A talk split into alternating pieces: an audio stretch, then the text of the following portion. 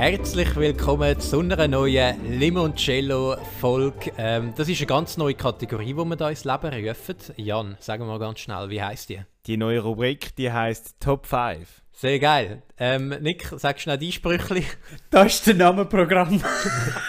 der Name ist Programm, genau. Das ist jetzt die zweite Aufnahme, die wir machen, darum äh, ist da so das Gelächter. Und jetzt haben wir genau das Gleiche nochmal gesagt.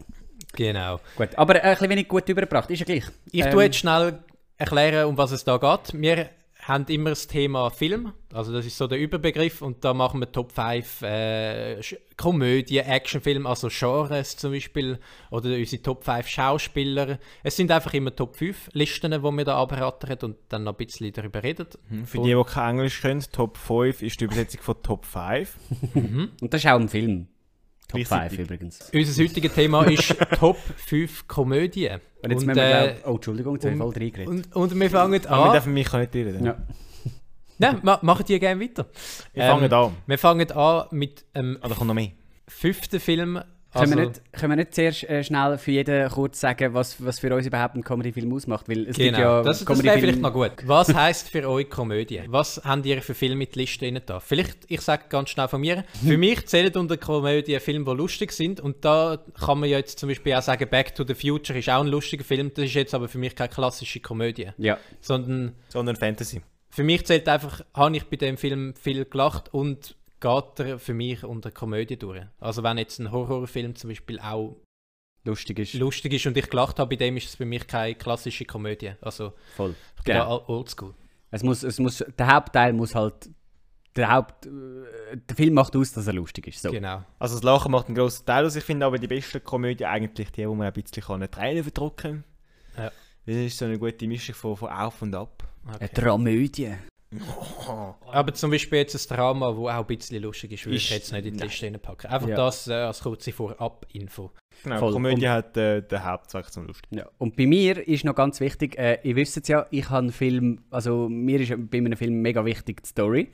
Und wenn es jetzt irgendein Film ist, der einfach nur lustig ist und ein dummer Gag nach dem anderen, aber die Story macht null Sinn, gehört er bei mir leider auch nicht in einen guten Comedy-Film. Das ist bei mir zum Beispiel anders. Bei mir braucht es einmal auch eine gute Geschichte, aber nicht, und nicht bei Komödie. Ja. Also nicht zwingend bei Komödie. Gut. Also Komödie darf durchaus, durchaus auch mal ähm, bisschen dumm sein, aber wenn es nur noch dumm ist, ist es auch dumm. Genau. und wir rollen das von hinten auf. Also wir fangen mit der Top 5 an, dann Top 4 und äh, der erste Film, also Top 1, ist, das, ist dann die, die beste Komödie für uns. Ich will zuerst noch schnell sagen, was bei mir nicht rein oh, ja, ja, ja, sagen. Also man muss an dieser Stelle vielleicht sagen, äh, Comedy-Film, ich schaue eigentlich nicht gerne Comedy-Film. Ja, weil, also, nicht. Weil nur Comedy, nur viel Lachen und so, das gibt mir nicht so viel irgendwie. Also ich habe, wie, wie es jetzt Jan gesagt hat, wenn es eigentlich ein Dramafilm ist oder so, aber kannst ab und zu lachen, das habe ich viel lieber. Äh, aber egal, was es bei mir nicht reingeschafft hat, sind drei Filme. Zum einen die American Pie-Reihe, die finde ich so unglaublich lustig. Ähm, habe ich nie gesehen. Nie, nie gesehen? Nein. Also ist bei mir auch schon ewig her, aber damals habe ich es mega lustig gefunden. Es ist halt so ein, bisschen ein schmuddeliger Humor, aber äh, als ich so 17, 18 war, bin echt das irrsinnig lustig gefunden. Das ist schon so lange her. Das ist noch nicht so lange her. Fände es wahrscheinlich auch heute noch lustig. Ähm, der Big Lebowski hat es bei mir auch nicht geschafft, weil es musst zwar schon lachen, aber nicht mega viel. Aber es ist ein saugeiler Film.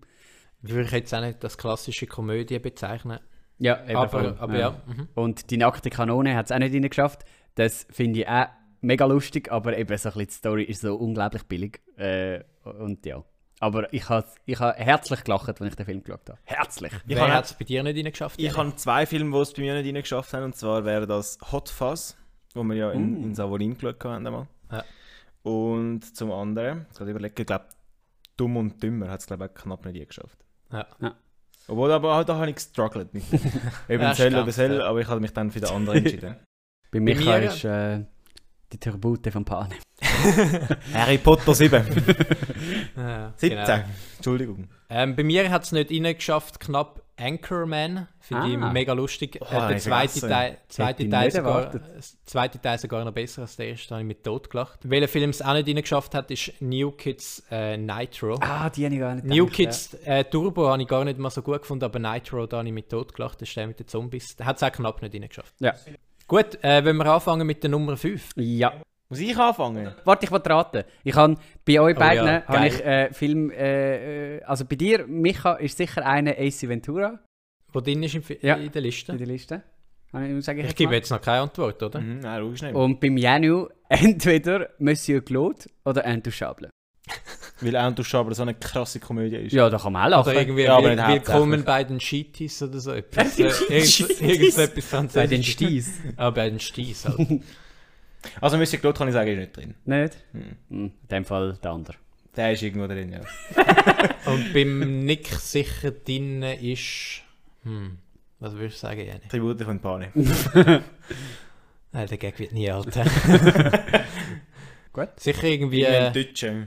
Irgendein Deutscher hat er drin. Ein Tötschen. Ein deutscher Film.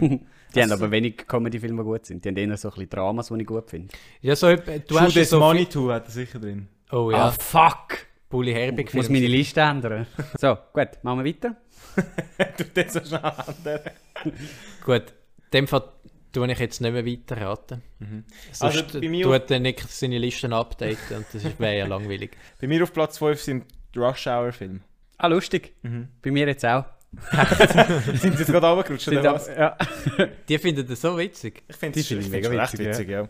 Es gibt eine Szene, äh, die ist halt nur auf Englisch lustig, ähm, wo er so mit dem, mit dem Kampfmeister da... Der riesen I meant you, no we, no I, no me, irgendwie so. Ja, ja, ja. Mit diesen Pronomen das Ganze durcheinander Das ist, glaube ich, im dritten Teil. Keine Ahnung. Ich, ich habe Rush Hour. Film aufgeschrieben, aber... Dort, ähm, ja. Ja, Rush Hour. Bringt mich Film. immer wieder zum Lachen. Die sind mega alt halt, aber, aber sau lustig. Wollen wir einmal eigentlich eine kurze Erklärung zum Film noch geben, oder? Ja, gib doch schnell eine Erklärung, Micha. Äh, Jan. es ist zu lange her, seit ich die gesehen habe, um eine gute Erklärung abgeben. Es geht um so zwei Polizisten, glaube ich. oder? Ah. Ja, und, und der eine äh, ist ein Amerikaner und der andere ein Chines. Äh, also Also, ein dunkelhäutiger no- äh, Amerikaner. Hm? So ein dunkelhäutiger Amerikaner und sie sind halt auch in diesen Vorurteilen ein belastet. Ja, gut, tun auf seine, äh, auf seine Ich- Hautfarbe abbrechen. Ich habe find- gesagt. Es ist nicht das, was ich Es- gesagt habe. Ich finde, er hat einen tollen Charakter. Und trotzdem sagst du dann, dass ich Asiat. Ja, das stimmt. stimmt. Äh, Amerikaner und Asiat, genau. Ähm, und der Jackie Chan ist der eine und der andere äh, vergisst immer, wie er heißt. Ist nicht der Chris Rock? Nein. Äh, aber auf jeden Fall, äh, Jackie Chan heißt Lee. Der andere sagt ihm immer Lee, Lee. Aber krass, dass ihr die so gut findet. Ich kann die... Ich finde die jetzt nicht so geil. Ja, also, also ist eben auch schon wieder länger her, seit ich die gesehen habe. Aber damals habe ich die mega lustig gefunden. So, wie, wie dumm die immer tun. Chris so. Tucker. Ah, der Tucker, genau. Von dem gehört Der heißt aber mehr. so. Nein. Der heißt aber so im Film, ne? Er heißt Tucker. Wirklich? Ich glaube, ja. Ah, habe ich nicht gewusst. Und er heißt Carter. Das, aha. Weil das machen Schauspieler teilweise noch oft, dass sie ihren Schauspielernamen auch als Charakternamen nehmen, damit sie nicht bekannt sind. Zum Beispiel der Will Smith bei The Fresh Prince of Bel-Air. Zum Ja. Beispiel Oder der Charlie der- Sheen als Charlie Harper. Oder der Stromberger Stromberger. Zum Beispiel der Anthony Hopkins als Anthony bei äh, The Father, was ein super guter Film ist. So, ich tue eine Mini, Mini, äh, Mini Nummer 5. Ja. Noch schnell. Das ist Kindsköpfe. Sowohl, Ui, nein. sowohl das 1 als auch das 2. Nope. Oh Ich, shit. ich liebe den, ich liebe die Filme. Können wir abbrechen da? Bei mir ist einfach so, ich fühle mich gut, wenn ich die schaue. Das 1 habe ich sicher schon 100 Mal geschaut. Nein, Mhm. noch nicht ganz. Aber ich habe das 1 damals im Kino geschaut und habe mich tot gelacht. und auch das 2 hat, hat mir ein richtig geiles Gefühl gegeben, um den im Kino zu schauen. Also das Eis würde ich unterschreiben, finde ich auch ganz easy, kann man mal schauen und nachher ist es wieder gut. Aber beim 2, da, da kotze ich im, im, In Strahlen. In Strahlen. Zwei hat eine lustige Szene. Und zwar dort, wo er im, im Lastwagenreifen sitzt und den Berg drauf. Ja, das habe ich auch gedacht. das ist das Einzige, was mir geblieben ist von dem Film. Voll. Und am Schluss haben sie so eine riesige Hausparty. Wo Ja, ja, genau, wo das alle verkleidet sind. Es Genau, ist halt, ich liebe halt allgemein Adam Sandler Filme und die haben Ja. halt einmal nicht wahnsinnig gute Geschichten und, und so Aber- weiter. Was Aber- findest du gut an, diesen zwei jetzt? Ich, ich finde, ähm, der Adam Sandler hat ja immer ein bisschen so den gleichen Cast, also so seine Comedy-Kollegen. Kevin James. Und man merkt einfach richtig, Chris wie Rock. die haben mega Spaß auf dem Set und der Spaß überträgt sich irgendwie auf mich. Und ich denke mir so einmal immer, ich wäre auch gerne einer von diesen Leuten im richtigen Leben. Also Mhm. ich wür, hätte auch gerne so ein Leben, wie die, ha- Aha, die Figuren so. haben Ja, und ja. Gehen voll mit. Das ist so mein, Traumleben, so, äh, ja, ich liebe es. ja, das hat So etwas, geil. ja. Und die sind alle gut drauf, machen Witzli, es ist einfach äh, herrlich. Voll. Ja, da, da würde ich sogar unterschreiben. Also Kindsköpfe kann man auch nicht sagen, um was es groß geht. Es ist einfach so ein bisschen, ist jetzt nicht eine riesige Geschichte, das ist ein Mittel zum Zweck. Also im 1 ja noch eher als im 2. Im 2 geht es Ja. um gar nichts mehr eigentlich. Ich liebe beide Filme, so geil. Adam Sandler Film hast du wahrscheinlich noch, noch mehr, oder? Äh, in der Liste jetzt tatsächlich nicht, nein, nee. aber Adam Sandler-Film finde ich richtig geil. Okay. Ja, äh, kann man machen, muss man nicht. Also es gibt auch ein paar, die ich gut finde, zum Beispiel Klick aus der Sandy, finde ich katastrophal. Klick ist jetzt aber nicht so ein klassischer Sandler-Film, weil Nein. hat eigentlich Darum finden vielleicht sogar gut. Oder der im Gefängnis. Äh, der Longest Yard. Ja genau, den finde ich, so, also den ich wirklich gut. Das ist ja. ein, ein Film, das ist halt eine Komödie. Vom Sandler, den ich einfach ich gut finde. Also Nummer 4 habe ich der Diktator vom Sasha Baron Oh ja, der ist geil. Der ist, ist ein absoluter Humor. Also legendärer Film. Ich habe noch, ich habe noch überlegt, soll ich den oder Borat drin aber ich habe nachher den, den, den Diktator genommen. Ja, der ist deutlich besser als Borat. Bruno finde ich auch mega witzig. Finde ich auch besser als Borat. Der Diktator habe ich damals auch im Kino gesehen und mich totgelacht. Bin jetzt gar nicht drauf gekommen. Der ist wirklich ein geiler Film. Finde ich einer von der, fast sogar von der besten Filme aber was, also was macht es für dich aus, dass du den gut findest oder geil findest? Es ist so ein bisschen der, ähm, der Situationshumor.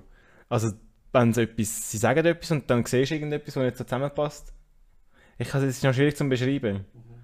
Es sind so Einziller oder eben so Sachen, die du siehst und dann nicht so zusammenpassen mit dem, was gesagt wird, oder dann der Witz erst dort klar wird. Also eigentlich auch so ein bisschen, dass es halt Witz auf Witz auf Witz kommt die ganze ja. Zeit und ein bisschen alle ein bisschen dumm sind und dumm tun. Ja. ja. Hat ja eine große Geschichte hinter. Jawohl. So, wir machen äh, da zügig vorwärts, weil der Jan einen Zug muss verwischen. Ja, Nick, was ist, was kannst ist du ja dann die Top 2 noch sagen und dann reden wir noch darüber. ja, im Notfall. während, dem, während der Podcast noch läuft, baue ich mein Zeug ab und gehe. ähm, Nick, was ist deine Nummer 4? Meine Nummer 4 ganz klar Catch Me. Ähm, ah. Ich finde, Catch Me ist so ein Film, den, den finde ich witzig zum einen, weil es irgendwie so dämlich ist. Äh, aber, aber eben auch so geil. Ich finde Charaktere mega gut. Ich finde sie eben alle mega lustig. Und es ist eben so etwas, was du bei Kindsköpfen hast. Das wünsche ich mir so in meinem Leben, dass wir mit ja. 50 noch Fangis spielen und so. Wir haben das ja jetzt auch angefangen, aber ich nehme an, in drei Jahren hat sich das ausgelaufen. ähm, aber, aber das finde ich so etwas Lustiges und so etwas, so etwas Geiles. Und dann fieber ich mega mit und fühle mega mit und finde auch alles irgendwie mega geil und lustig. Ich muss sagen, ich finde den Film cool, aber ich finde ihn nicht lustig. Ja. Es ja. ist für mich keine Komödie, es ist mehr ja. ein Actionfilm als eine Komödie. Es ist, ja, schon, es ist schon lustig, aber es ist mehr Action als Komödie. Ja. Ich muss sagen, mir macht auch richtig Spaß, aber ich habe mich jetzt nicht kaputt gelacht. Mhm. Ich habe übrigens herausgefunden, dass nicht nur wir das Spiel machen, sondern äh, jemand bei uns in der Cefi macht das auch. Die haben den Film angeschaut und machen das auch. Geil. Ja, eine Kollegin von meiner Cousine macht das auch. Ah, wirklich? Ja. Ah, was? so geil. Krass, ja. Bei mir die Nummer 4 ist äh, Kill the Boss, auch sowohl, ah. Teil, äh, also sowohl Teil 1 und 2. Ich finde beide mega witzig. Mhm. Ähm, Im Teil 1 geht es ja darum, dass sie ihre Chefs, äh, wo, wo mega dumm sind, wollen umbringen und mhm. dann sind sie so tollpatschig aber und so. Ja. Ist mega witzig und im zweiten Teil weiß ich gar nicht mehr so sie genau, was so eine geht, Firma äh, und dann tun sie aus Versehen irgendwie einen entführen, wo wo ich, ach, ich weiß es auch nicht mehr so genau. Also aber, aber es ist ein mega guter Film. Ja, also ich finde es zwei viel besser als eins, muss ich sagen. Und ich finde es eins schon richtig geil. Ja, ich weiß noch, wir haben es zwei, also der Nick und ich haben das im Kino angefangen. Wir haben an ein Filmfestival wollen und dann haben wir irgendwie uns in der Zeit verrechnet und haben dann gedacht, wir müssen in der Halbzeit vom Film rausgehen. Mhm. Und nachher haben wir einfach eine Stunde zu viel gehabt und der Film äh, in der Hälfte rausgegangen. Ja, das ist richtig schade. Aber ah, so ein guter Film. Ich habe noch ein zweites Mal im Kino. Kill the Boss 2 finde ich genial. Den schaue ich auch so alle Den würde ich unbedingt wieder so. mal schauen.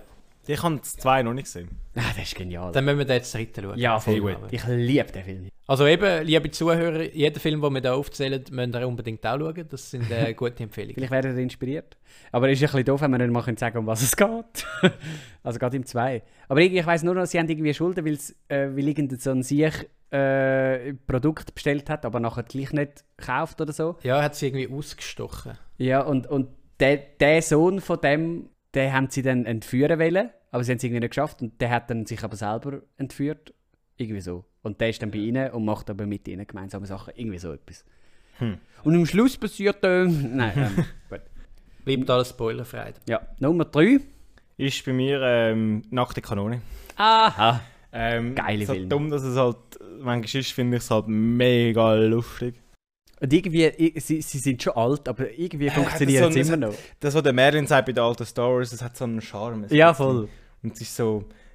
Er ist so ein, ein Gentleman, aber er ist so ein, ein Tollpatsch. so ein Alles, was er macht, hat er einfach so scheiß Glück. Und nur so bringt er eigentlich sein Zeug übertragen. Für die, die den Film oder die Filmreihe nicht kennen, auch da geht es irgendwie um einen Polizist, wo, wo so ungeschickt ist und der ist irgendwie, der ist jetzt 60 oder so, so ein alter Sieg, wo, wo, wo eigentlich nichts auf die Reihe bringt und immer so ein bisschen durch Zufall Halt so ähm, grosse Sachen. Ja, voll. Und Man könnte jetzt meinen, ihr redet über Pink Panther. Ja, es ja, ist eigentlich etwas Gleiches. Ja. Und für all die, die das, die das Meme kennen, äh, kennen wo, wo sich das ganze Publikum so an den Kopf langt, das kommt aus dem Film. Ja, voll. Ich muss sagen, ich habe mal angefangen mit nackten Kanone und nach einer Viertelstunde ist mir so, also ich habe den Humor so dämlich gefunden, dass ich es nicht mehr weitergeschaut habe. Show. Aber Pink Panther habe ich wieder cool gefunden. Im Vielleicht hast du ein bisschen Mühe mit dem alten Charme. Ja. Weil es ein bisschen langsamer ist als ein bisschen neuere Filme. Das mag sein. Ja, ja. Auf jeden Fall auch geil. Welchen findest du den besten von den drei? Das ist schwierig zu sagen. Meistens nicht. Ich glaube es eins. So, ganz kurze Unterbrechung aus dem Off. Keine Angst, das ist keine Werbepause, sondern nur ein kleiner Hinweis. Es ist nämlich so gewesen, dass der Jan am 12 Uhr auf den Zug hat müssen, weil er noch hat müssen an die PH gehen. Wie kann es natürlich auch anders sein, oder? Auf jeden Fall haben wir dann nicht mehr ganz fertig mögen mit, äh, mit der ganzen Folge. Und dann haben wir uns gedacht, tut der Jan einfach schnell seinen Platz 2 und 1 noch schnell äh, da für euch abellieren, damit der Nick und ich dann die Folge artgerecht noch können, äh, beenden Und äh, ja, darum werdet ihr jetzt Jan seinen Platz 2 und 1 hören. Keine Angst, das ist natürlich mit dem Nick und mir abgesprochen gewesen, dass er um 12 Uhr gehen muss. Also da herrscht gar kein böses Blut zwischen uns. Also, bei mir auf Platz 2 sitzt täglich grüßt das Murmeltier. Aha. Für die, die ihn nicht kennen, ist ein, ein Film, wo ein Newsreporter oder ein Wetterreporter immer wieder am gleichen Tag aufwacht. Aus keinem erfindlichen Grund und den Tag immer und immer wieder erlebt. Und durch das kann er sich halt Sachen erleben, die er sich sonst nicht kann erleben kann. Und auch da ähm, brillant geschrieben, äh, sehr gut gespielt. Einer von meinen Lieblingsfilmen. So Film Liebe. Schau ich immer so, wieder. Ich finde es einfach gern, dann, ich finde so ich find's, ich find's dann scheiße, wenn Leute das Prinzip einfach nachmachen und also, schon Happy klar kannst, Death Day dann. Schon, schon klar kannst du es gut umsetzen, aber es hat halt dann nicht mehr den gleichen Charme. Es ist dann so... Aber die Idee finde ich mega witzig, wenn du so herausfinden musst, an was liegt es denn überhaupt, dass ich irgendwie immer wieder neu und so. Ja, ich finde auch die, die so billig kopieren, oh, die haben das auch gemacht, wir machen etwas ähnliches. Ja, ja, so dem aufhängst. Aber wenn es dann halt irgendwie sich so ergibt, es gibt eine Netflix-Serie, eine russische, glaube ich sogar, mhm. wo das gemacht hat, das habe ich so schlecht gefunden. Wirklich brutal mies. Und auf Platz 1 haben sie schon gefunden, ist ähm, Bienvenue chez les Ch'tis. Aha. Ähm, auch da. Tatsächlich. Nein, wirklich. Ähm, das kann man groß sagen. Es ist ein, ein, ein, ein, ein, ein geiler Film. Ein französischer. Hm? Ja. ist aber auch auf Französisch lustiger als auf Deutsch, weil halt der Akzent so. Besser funktioniert. Ja. Nein, das glaube ich, weil auf Deutsch ist er überhaupt nicht lustig. Eben. Ja, es ist auch ein Film, wo man, wo man zwischendurch mal ein Tränchen muss verdrücken muss. äh, also am Schluss. Ehrlich? Mhm. Und äh, funktioniert alles in allem sehr gut. Und darum Coolio. Deutlich auf Platz 1. Ja, das freut uns doch. Sehr geil. Danke für deine Liste. Mhm. Äh, vielleicht haben die Leute da jetzt Inspiration bekommen. Können ja. etwas mit. Ich, ich, ich stelle sonst meine Aufnahme jetzt ab. Mhm. Ähm, melde mich vielleicht einfach aus dem Hintergrund noch zu Wort, während die anderen zwei da weiter palabern. ähm, aber würde mich dann mal vom Acker machen jetzt. Ja. Danke vielmals, ja. Bei, bei diesen Listen, also wir werden ja noch weitere Folgen raushauen, wo wir so Listen machen und da werden die Leute eigentlich unseren Filmgeschmack noch recht gut kennenlernen. Voll. Und dann können die Leute vielleicht auch abschätzen, hm, ich habe jetzt eher so am Jan seinen Filmgeschmack oder ja. mein oder nicht Sinn. Und dann könnt, könnt ihr vielleicht auch so ein bisschen rausspüren, welcher Film für euch jetzt am besten passt. Für das muss man halt all die Filme schauen, wo wir darüber reden. Aber das ist ja nicht so eine Sache. Ja gut, viele kennt man sicher auch schon. Ja, also es sind so. jetzt nicht ganz geheime... Das könnte man auch mal machen, so äh, Filme, die so mega unbekannt sind, Topliste. Voll. Inception oder so. Der neue Batman-Film. Auf den freue ich mich. Ja. Ähm, Nick, ähm, ja. bei welchem Platz sind wir? Wir sind, sind wir bei Platz 3. Und dort äh, gehe ich äh, rein mit The Nice Guys. Ja, ja. Den finde ich, find ich echt lustig. Und der hat so den Charme von so den 80er Jahren. Mhm. Und da geht es, glaube ich, auch um zwei Detektive. Ja, voll, um Privatdetektiv. Und was der andere ist, weiß ich nicht so genau. Der eine ist ein Privatdetektiv und der andere ist so ein, ein, Knochenbrecher, glaube ich. Ja, genau, stimmt. Irgendwie der geht einfach Leute vertatschen. Russell Crowe. Ja. Und es ist mega lustig, weil es, es eben so der 80er-Stil, sie rauchen die ganze Zeit, sie haben so den Style, es ist alles so ein bisschen in dem Neon-Look äh, und so. Der, der, Look ist so geil. Das ist, richtig das ist unglaublich. Ja, wir mal wieder mal schauen. Auch die Figuren finde ich mega geil. Ich muss nicht sagen, ich habe ihn jetzt nicht wahnsinnig lustig gefunden. Aber nicht? Nein, ich, ich, ich finde den Film mega gut. Mhm. Ähm, und eben mega cooler Look und ich habe ihn gerne geschaut. Ich habe schon ab und zu geschmunzelt, aber es ist jetzt nicht so gewesen, dass ich gedacht habe, da lache ich mir jetzt scheckig. Ja. Okay, ja, spannend, gut. Also da habe ich ein paar Mal scheckig gelacht. Aber, aber trotzdem kann ich ihn auch empfehlen. Also ja, sehr geil. Was ist denn auf deinem Platz 3, lieber Micha? Auf meinem Platz 3, du hast es, hast es schon erraten gehabt. AC Ventura. AC Ventura, sowohl Teil 1 und auch 2. Teil 2 finde ich sogar noch ein bisschen besser, muss ich wieder mal schauen. Da ist jetzt die Story, ja, ist jetzt nicht ein wahnsinniger Hit. Also nicht, aber die Figur finde ich einfach genial. Also das ist der Jim Carrey und man weiß ja, der kann ja mit seiner Mimik äh, uh. machen, was er will. Machen, was er will. Da ist ja der, der King drin. Und das ist einfach so lustig. Also der spielt schon ein Mensch, aber irgendwie spielt er ein Tier. Also man hat das Gefühl, der spielt ein Tier, aber es ist so mega lustig. Das, das äh, kann man gar nicht in Wort fassen, das müsst ihr euch einfach mal anschauen. Ja, aber um was geht es eigentlich genau? Er ist so ein Tierdetektiv, was auch mega gut hat mit Tieren. Sind so. eigentlich alle unserer Liste Detektiven oder, äh, ja. oder Polizisten? So ein Tierdetektiv und meistens geht es darum, dass irgendwie ein Tier vermisst wird oder so und er geht dann auf die Spuren mhm. von dem Tier und ähm, macht das aber auf unkonventionelle Art. Also irgendein Sieg kommt so und sagt, du, ich habe meinen Hund verloren? Ungefähr so, ja. Ah. Also es geht zum Beispiel im ersten Film darum, dass jemand einen Delfin entführt hat, glaube ich. Und er muss irgendwie auf die Spur von dem Delfin gehen. Ach so. Und im zweiten Film weiß ich gar nicht mehr. Muss ich dringend wieder schauen. Alles klar. Ja, kann ich empfehlen. Sehr witzig. Gut. Gut, gut, gut. Dann kommen wir schon zum zweiten Platz. Number two. Und da geht es bei mir eigentlich relativ schnell. Ich habe da Kill the Boss. okay, ja, haben wir schon darüber geredet. Haben wir schon darüber geredet. Ähm, ich kann es nochmal empfehlen. Teil 2 bei dir. Jawohl. Also als eins super geil, aber Teil 2 ja. äh, ist ein besser. Ich habe auf Nummer 2 Superbad, den Film. Aha. Das ja. ist, ist äh, so eine... Das ist ein bisschen älteres Werk. Ja, also ist jetzt nicht steinalt, aber es ist so ein Film mit dem Jonah Hill und äh, mhm. Ich weiß jetzt nicht, wie die lustigste Figur, wie der Schauspieler dort heißt, aber der heißt McLovin. das ist so eine witzige Figur. Ich merke ein bisschen, bei Komödien macht es für mich Figuren. die Figuren aus. Ja. Wenn, wenn ich die Figuren mega witzig finde, das ist auch bei Stromberg zum Beispiel so, das ist eine Serie. Ja, ich glaube, das ist auch so ein bisschen der Charme an Comedy-Filmen, dass es so ja. ein witzige Figuren sind, wo aber, also das finde ich eben auch schwieriger bei, bei Comedy-Filmen, dass du Figuren hast, die nicht so dämlich sind, dass es eben dann nervt und nicht mehr mhm. lustig ist und nicht mehr glaubhaft, sondern eben so bisschen mit dem Spielen die ganze Zeit. Ich meine, ja. Stromberg spielt ja die ganze Zeit damit, dass ein bisschen überspitzt, aber es funktioniert. Mhm. Bei Superbad äh, da noch ganz schnelle äh, Erklärung, wie die Handlung abläuft. Es geht darum, dass so zwei äh, Highschool-Jugendliche irgendwie mit Alkohol besorgen für eine Party, wo sie eingeladen sind. Und äh, da gibt es dann ganz viele Abenteuer mhm. da unterwegs. Das ist ja richtig witzig. Das ist so ein typischer amerikanischer, so irgendwelche jugendliche Globbyvögel, die so ein bisschen die Outsiders sind und dann, ja. und dann irgendwelche Züge erleben in Amerika. das ist mir meistens ein bisschen zu langweilig.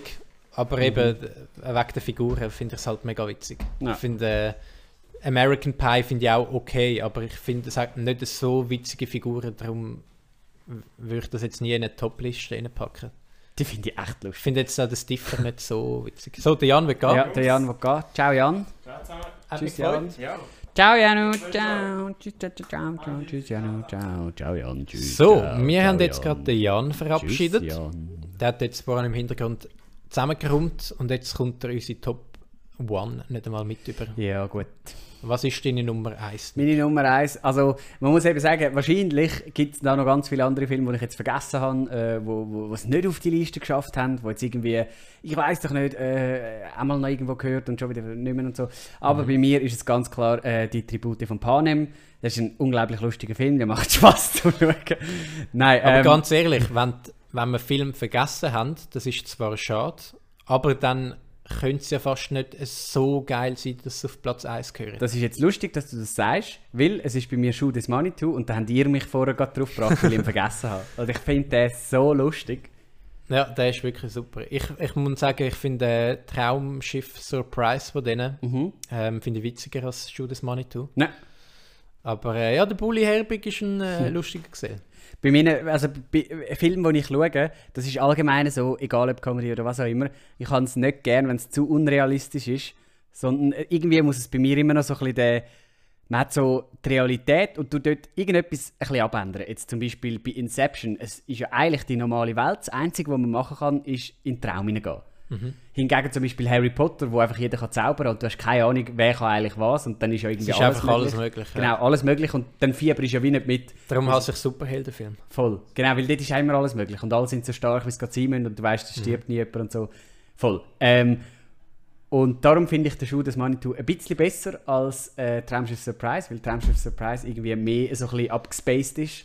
Ich finde halt ähm, so Superheldenfilme und so am Lau scheiße, weil halt alles möglich ist. Aber ich finde, wenn ein Film halt mega witzig ist, dann spielt das wie für mich gar keine Rolle mehr. Eben bei Komödien, da bin ich am laschesten mit so den Drehbüchern. Also ja. ich lege mega viel Wert eigentlich auf Geschichte, aber bei Komödien, da kann ich am ehesten das Auge zudrücken.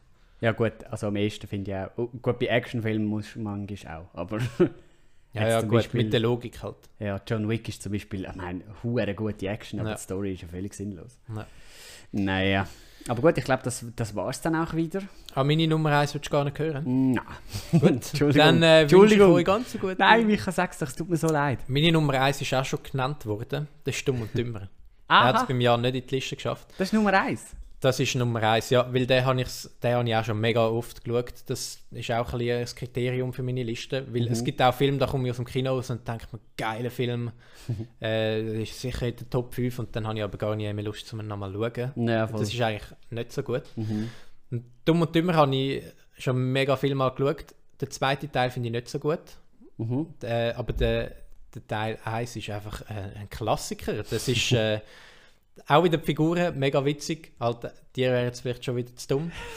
ähm, Wahrscheinlich, ja. Aber dort finde ich auch die Geschichte wirklich gut.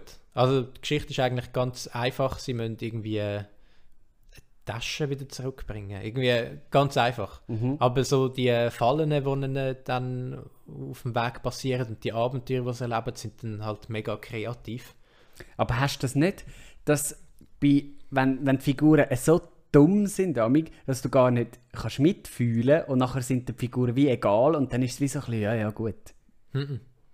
Das habe ich, wenn, wenn ich einen Film halt langweilig finde, dann kann ich mhm. nicht mitfühlen. Aber wenn ich mich am Tod lachen bin, also klar, ich fühle jetzt nicht mega mit der Geschichte mit und denke, hoffentlich schaffen sie es. Mhm. Das ist ja eigentlich schon klar für mich. Das ist ja wie wenn äh, der Superman irgendwie die Welt rettet. Aber also darum hasse ich zum Beispiel Superman, weil es ist einfach mega langweilig. Man weiß im Voraus, dass es schafft. Und bei Dumm und Dümmer weiß man es zum Beispiel auch im Voraus, dass sie es schaffen werden. Aber mhm. es ist eben mega witzig. Aber gut, bei Superman geht es ja zum Teil ein bisschen um andere Sachen. Das sind ja so ein bisschen ja, ja, Geschichten du, wie, äh, dass es um Gottkomplex geht und so Zeug. Also es ist ja, das geht wie in eine andere ja. Richtung. So, man weiß, man kann ihn nicht kaputt machen, aber die Frage ist, wie geht er damit um und so. Das, das ist spannend. Sein. Was mir während dem Erzählen zu Dumm und Dümmer in Synchro ist, Rat Race ist auch ein mega guter Film. Rat Race? Das ist so ein witziger Film. Da geht es darum, dass so ähm, eine Million in einem Schließfach ist und ähm, dann werden so 20 Leute rausgesucht und die können ähm, also dann geht es darum, wer ist zuerst bei dieser Million und dann darf sie behalten. Mhm. Oder es sind 10 Millionen oder so. Und dann ist es einfach ein Rennen. So. Das ist auch mega das auch geil, Kann ich auch empfehlen. Das. und dann gibt es noch so reiche Leute, die so auf die Leute wetten. Mhm. Das wissen sie nicht. Hangover fand ich auch noch witzig, der erste und der dritte. Ja, finde ich nur der dritte. jetzt jeder. Ja. Von dem her nichts, was man muss empfehlen Ja, du, ja. ich glaube, dann war es das wieder. Sehr geil. Eben, wie gesagt, so Back to the Future oder so haben wir jetzt nicht reingenommen, weil das jetzt eher Science Fiction statt Comedy mhm. ist für uns. Was, was natürlich nicht heisst, dass es ein schlechter Film ist. Aber Voll. es geht ja auch um Komödie. Genau, es geht nur ums Lachen. Sehr geil. Ich hoffe, ihr habt ein bisschen äh, Film können mitnehmen vielleicht, den ihr noch nicht gesehen habt und äh, habt jetzt ein bisschen Empfehlungen. Und wenn ihr richtig gute Filme kennt, die wir nicht kennen, dann meldet euch. Nein, aber ich, ich bekomme gerne äh, äh, Tipps über für gute Filme, gerade für Komödie, weil ich fast keine Komödie kenne.